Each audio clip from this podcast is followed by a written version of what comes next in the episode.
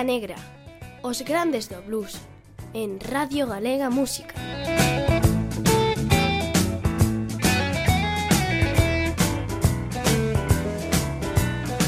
Sí, señor, aquí só so soan os elixidos, os máis grandes, os bluesmen que ao longo de máis dun século lle foron dando forma e sacando lustre ao xénero máis honesto que existe Estás no Garito do Blues en Radio Galega Música, Radio Galega Podcast, Spotify e iVox. A lista negra.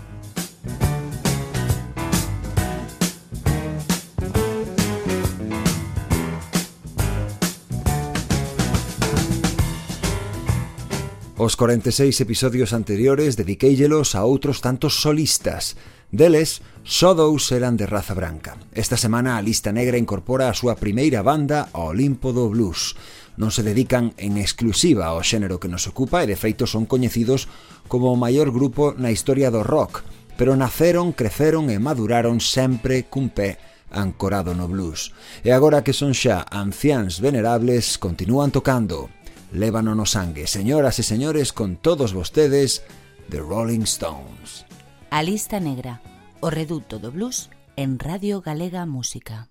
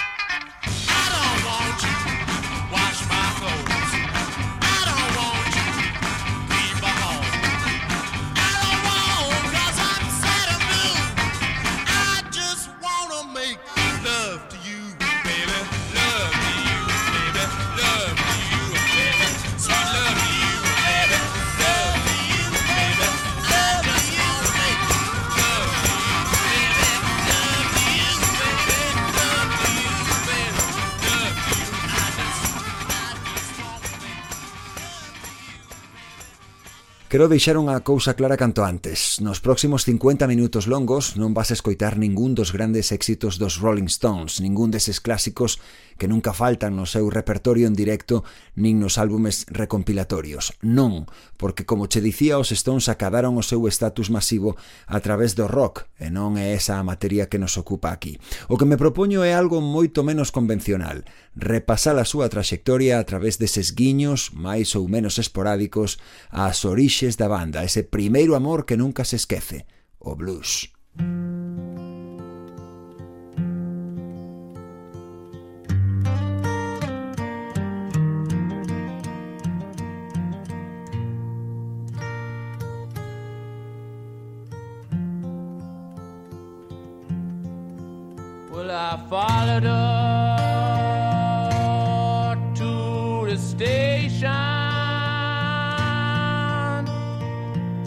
With a suitcase in my hand.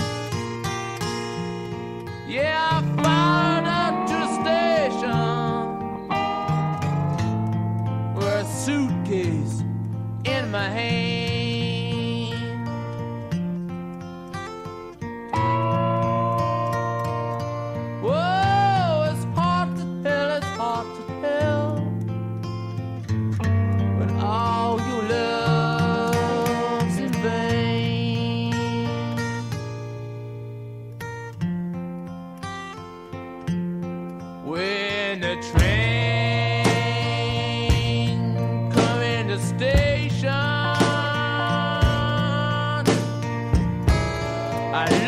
In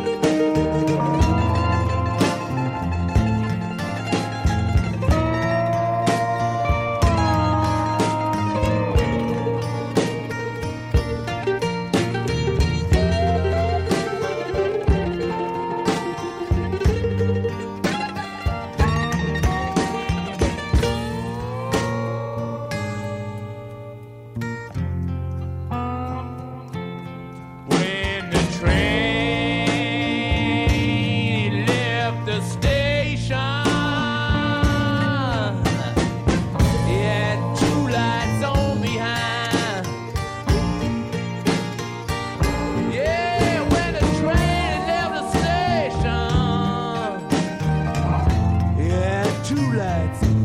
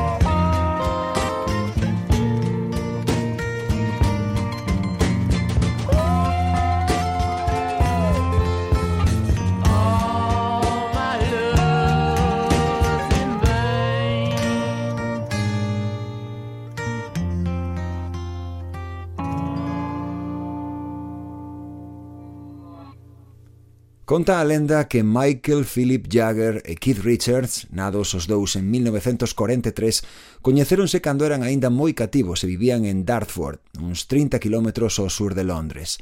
Compañeiros na escola de primaria perderon despois o contacto ata se reencontrar por casualidade en 1961 nunha estación de tren.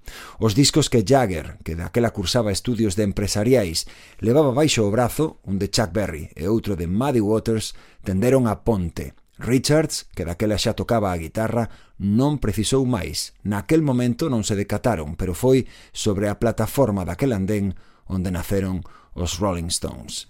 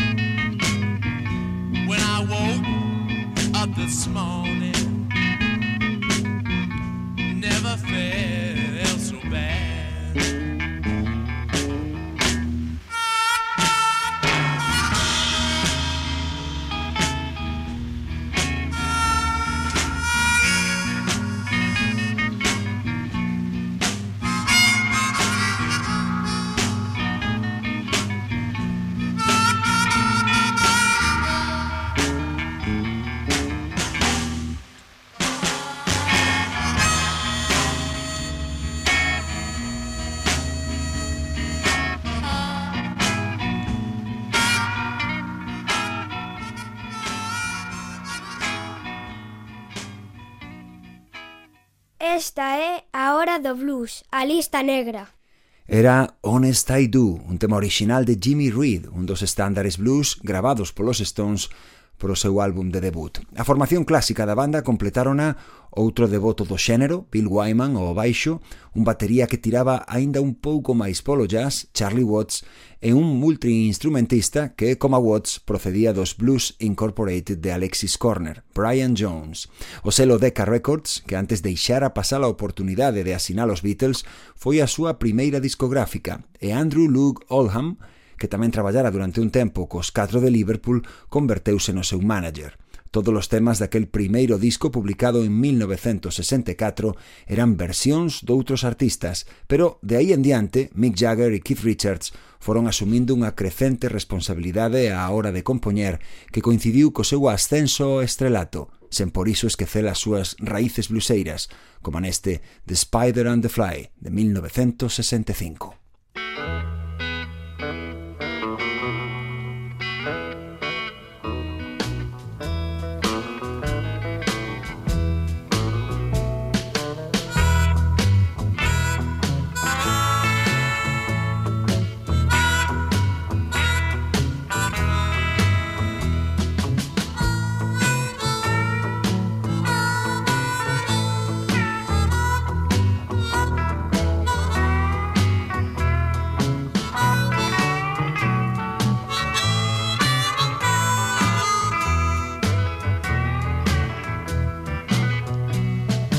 Sitting, thinking, sinking, drinking, wondering what I do when I'm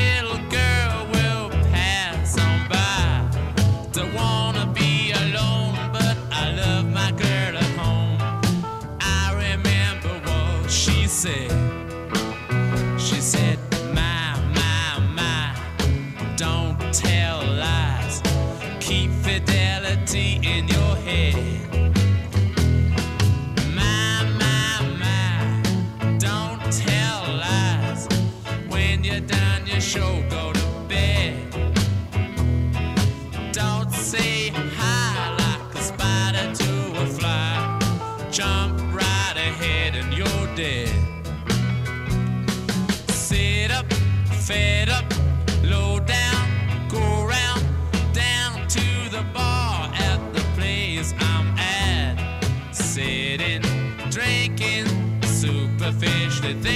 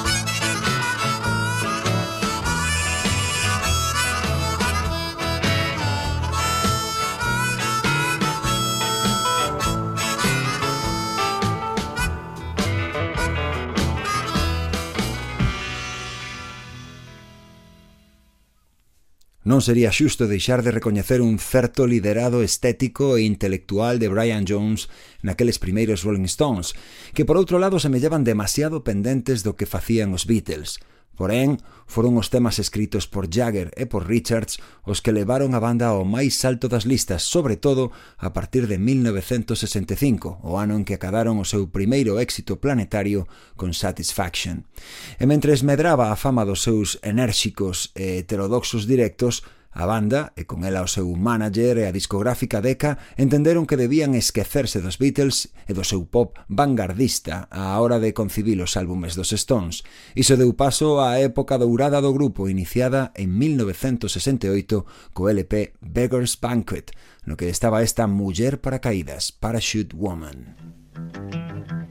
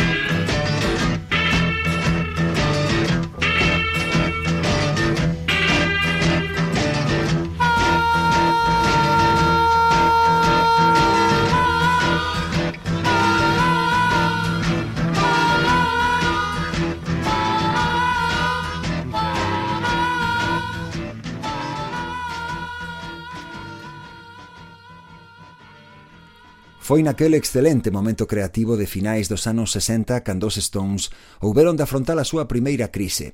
A adicción ás drogas de Brian Jones derivou nun comportamento errático no estudio de grabación e sobre todo nos escenarios.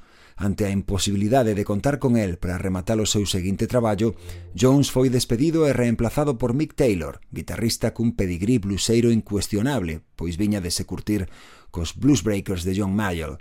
Jones morreu afogado na piscina da súa casa apenas un mes máis tarde, aos 27 anos de idade. Catro meses despois chegou ás tendas Let It Bleed, onde atoparás este monumento de blues rock titulado Midnight Rambler. Thank you.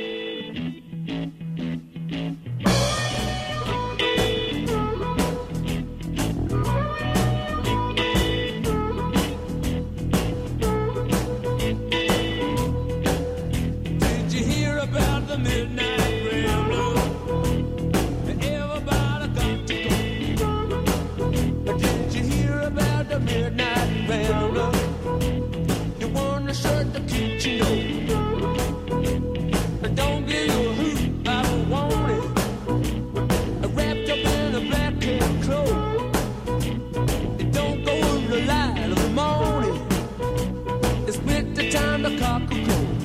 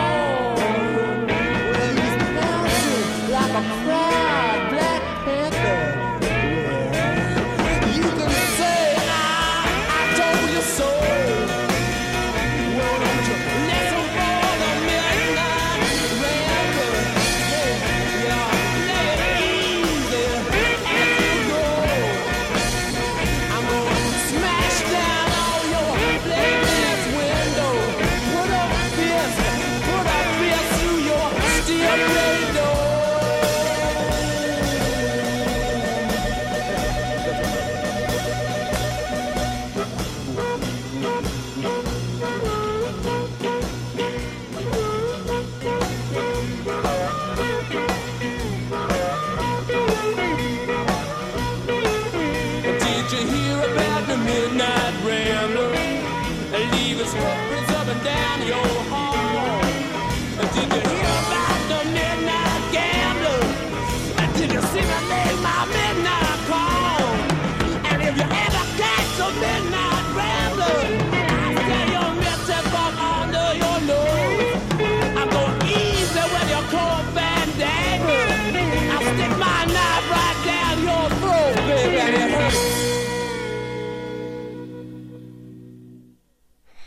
A lista negra con Eduardo Herrero.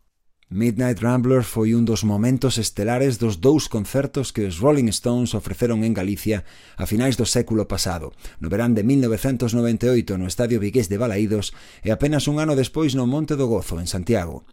Nos dous casos, este blues nocturno e intenso formou parte do miniset en formato reducido que a banda interpretaba despois de cruzar unha pasarela desde o escenario principal ata un pequeno espazo situado en medio do público. Era unha sorte de regreso á distancia curta cos fans por parte dun grupo que levaba xa tres décadas actuando en grandes estadios. Pero volvamos onde estábamos. A incorporación de Mick Taylor foi fundamental no que poderíamos chamar a americanización dos Stones. Abríronse o soul e o country sen deixar de tocar rock and roll e blues, como ata entón. Con Sticky Fingers, o meu álbum favorito de toda a súa traxectoria, saudaron a década dos 70 en estado de gracia.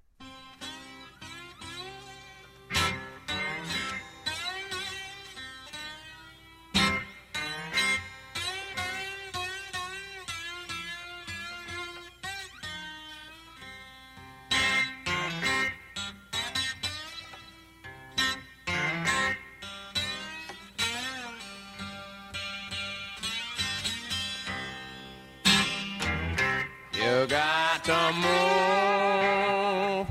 You got to move.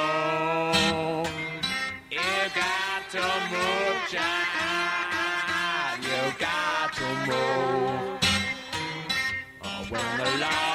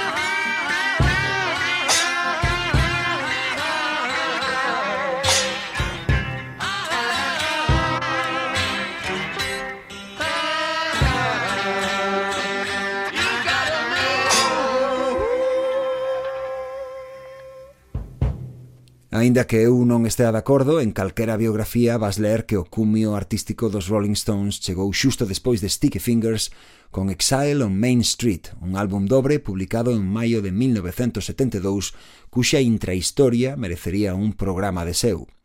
Non cabe dúbida de que Exile é un discazo cargado de clásicos do repertorio da banda, pero o xeito caótico en que se grabou, fundamentalmente durante o exilio dos Stones en Francia, para evitar pagar impostos no seu país fixo que algunhas tomas non quedasen, ao meu parecer, tan redondas como as composicións merecían. En Exile había un pouco de todos os paus que tocaba o grupo, e iso sí, máis blues que en traballos anteriores, versións de Robert Johnson ou Slim Harpo e tamén temas orixinais, por suposto. Neste Ventilator Blues, Mick Taylor compartía créditos como autor con Jagger e Richards.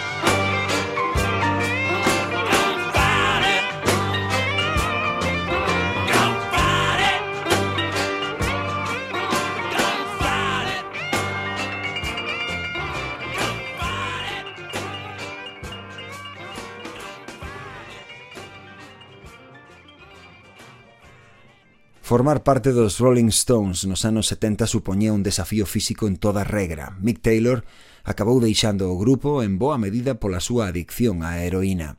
O seu lugar ocupouno outro guitarrista fabuloso, Ronnie Wood, ata entón man dereita de Rod Stewart nos irreverentes Faces.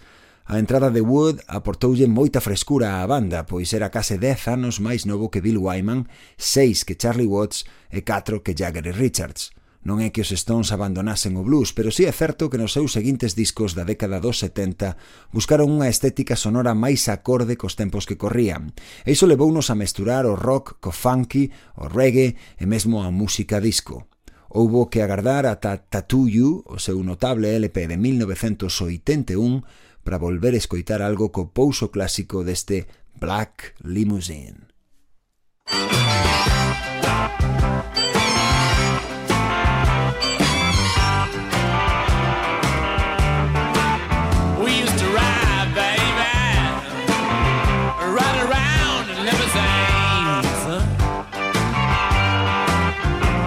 a fact.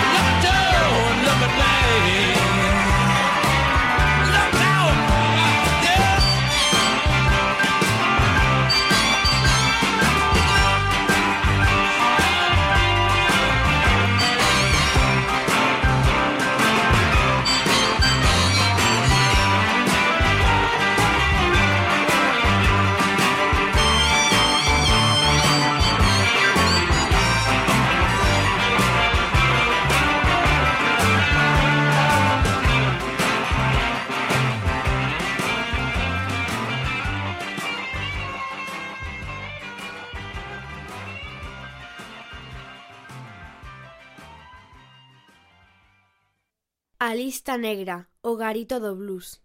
Os 80 non foron precisamente os anos dourados dos Rolling Stones, despois dun par de discos irregulares gravados nun clima de tensión considerable entre Mick Jagger e Keith Richards, a banda reconciliouse consigo mesma e co público contra o final daquela década. O álbum Steel Wheels marcou unha sorte de novo comezo que se confirmou cando, tras a xira de promoción, o baixista Bill Wyman anunciou a súa saída do grupo. No disco, Richards logrou impoñer a súa intención de que os Stones ignorasen por fin as modas e retomasen o seu selo clásico, no que o sustrato blues estaba moi presente en temas como este Break the Spell.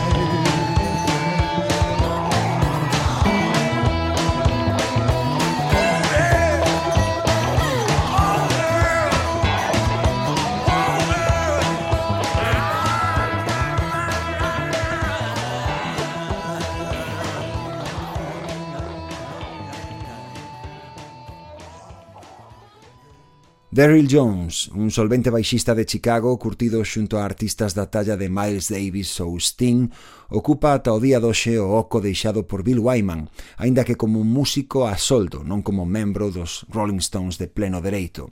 Acompañados por Jones e outros instrumentistas de primeira fila, os catro Stones superviventes entraron nunha segunda xuventude á idade en que os seus contemporáneos pensaban xa no retiro. En 1995 publicaron Stripped, Un álbum delicioso grabado durante a xira do ano anterior tanto en recintos pequenos onde actuaron para revivir as sensacións dos seus inicios como en estudios de grabación onde tocaron tamén todos a un tempo. O formato do disco era bastante similar aos Unplugged, que daquela estaban tan de moda. En el había moito blues. Strip pechábase con esta deliciosa relectura do Little Baby de Willie Dixon, popularizado no seu día por Howlin' Wolf.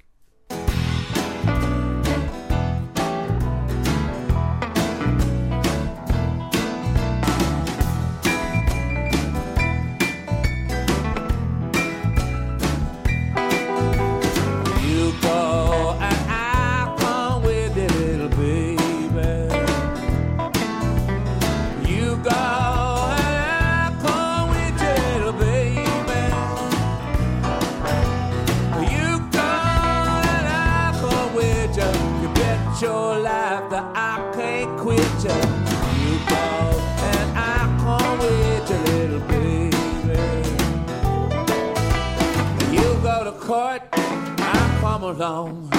You go to jail, I go your bone.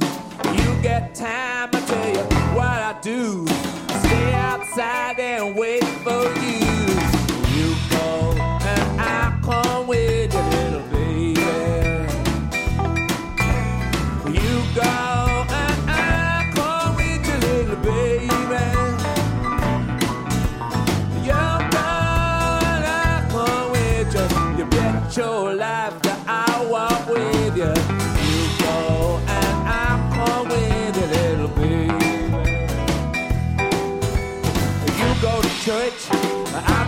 You go to work, I tell you what I do. You get paid, I hold the money. I'll be right there behind you, honey. You go and I'll come with you, little baby. You go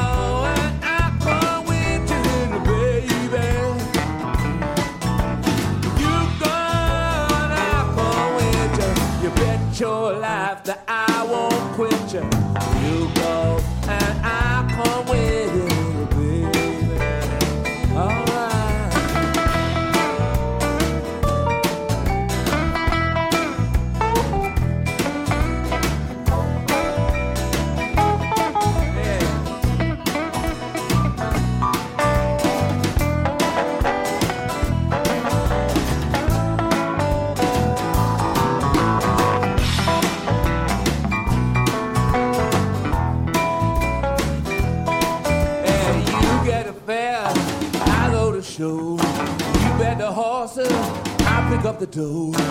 You work hard, with my pride. Be right there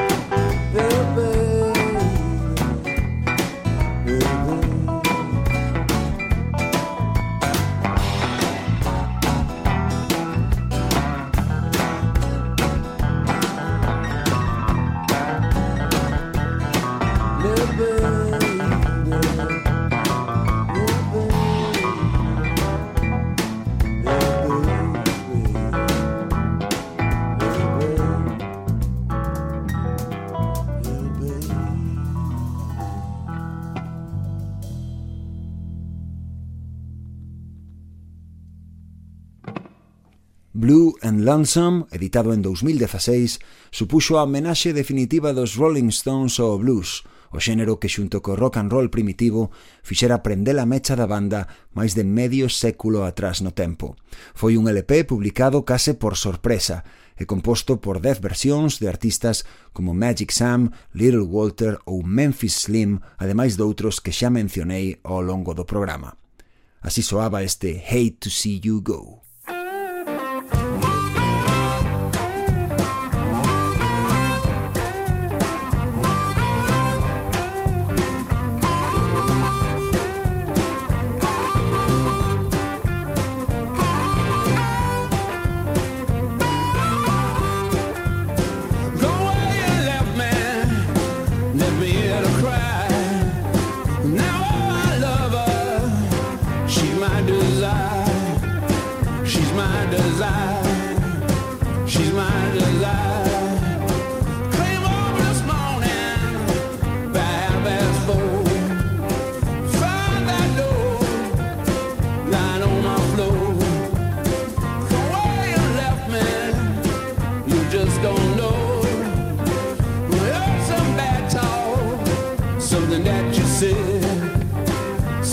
That you said,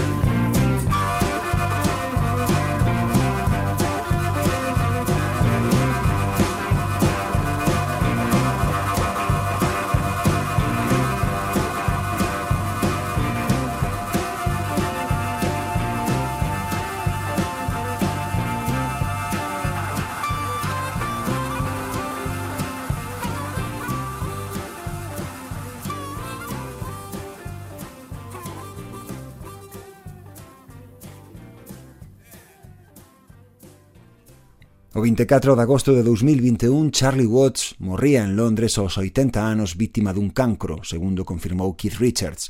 Antes do seu pasamento, Watts deixou grabadas as pistas de dous dos temas de Hackney Diamonds, o álbum que os Stones acaban de poñer no mercado este 20 de outubro de 2023.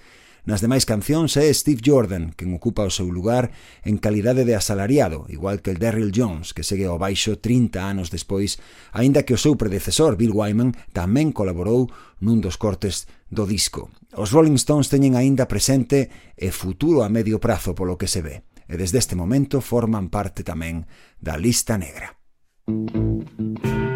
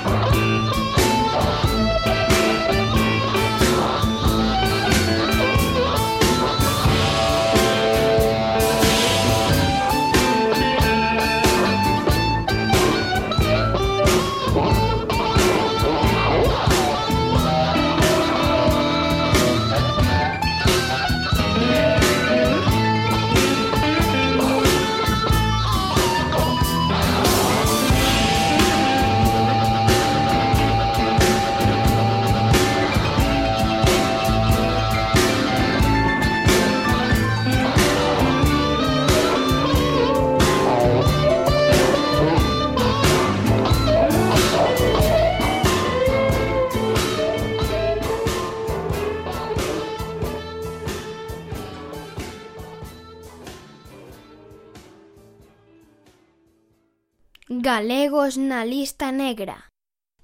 The Rolling Stones, máis de 60 anos de blues e contando. Como sempre, na despedida, blues feito en Galicia, hoxe da man de Lonegan, banda de Portonovo, a vila máis molona de todo Sanxenxo. Súa é esta fantástica versión do clásico de Elmore James, Shake Your Money Maker.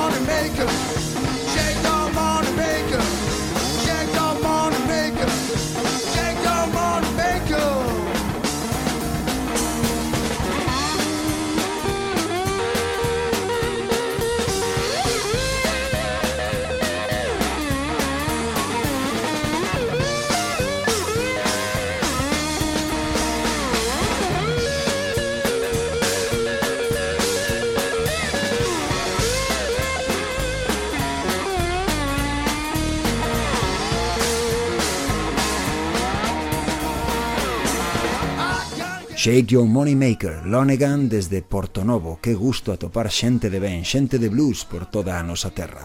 Así remata unha nova entrega da Lista Negra. Volve escoitar este episodio e todos os anteriores en radiogalegapodcast.gal, Spotify e iVox. Tamén podes, debes, seguir o programa en Facebook e Instagram e se cadra tes un proxecto e queres que soe no programa. Eu son Eduardo Herrero e non as tardar en volver saber de min, porque cando xa non quede nada, o blues seguirá aí.